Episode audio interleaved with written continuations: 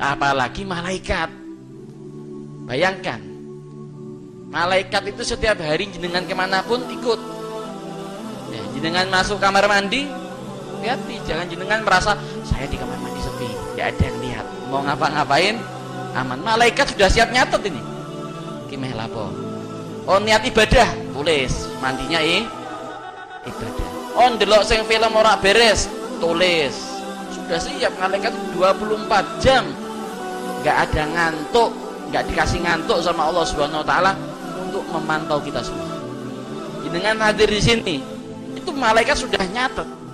Setiap kali kemanfaatan yang jenengan ambil yang jenengan fahami akan menjadi cadangan menjadi limpahan pahala yang sudah diberikan oleh dari Allah Subhanahu wa taala kepada kita apalagi yang nyatet pulang sampai rumah disampaikan kepada keluarganya, istrinya, anaknya, saudaranya, tetangganya. Catat lagi sama malaikat. Oh, ilmunya disampaikan. Ilmunya disebarkan. Nanti tetangganya yang dikasih tahu menyampaikan lagi ilmunya kepada yang lain. Terus ini yang namanya sodakoh jariah.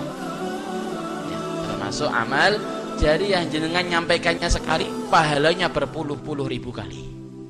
Ini juga yang sebagaimana dikatakan tadi oleh Habib Amin termasuk orang yang nanamnya sekali tapi panennya berkali kali itu orang-orang yang mujahidun fi yaitu talabul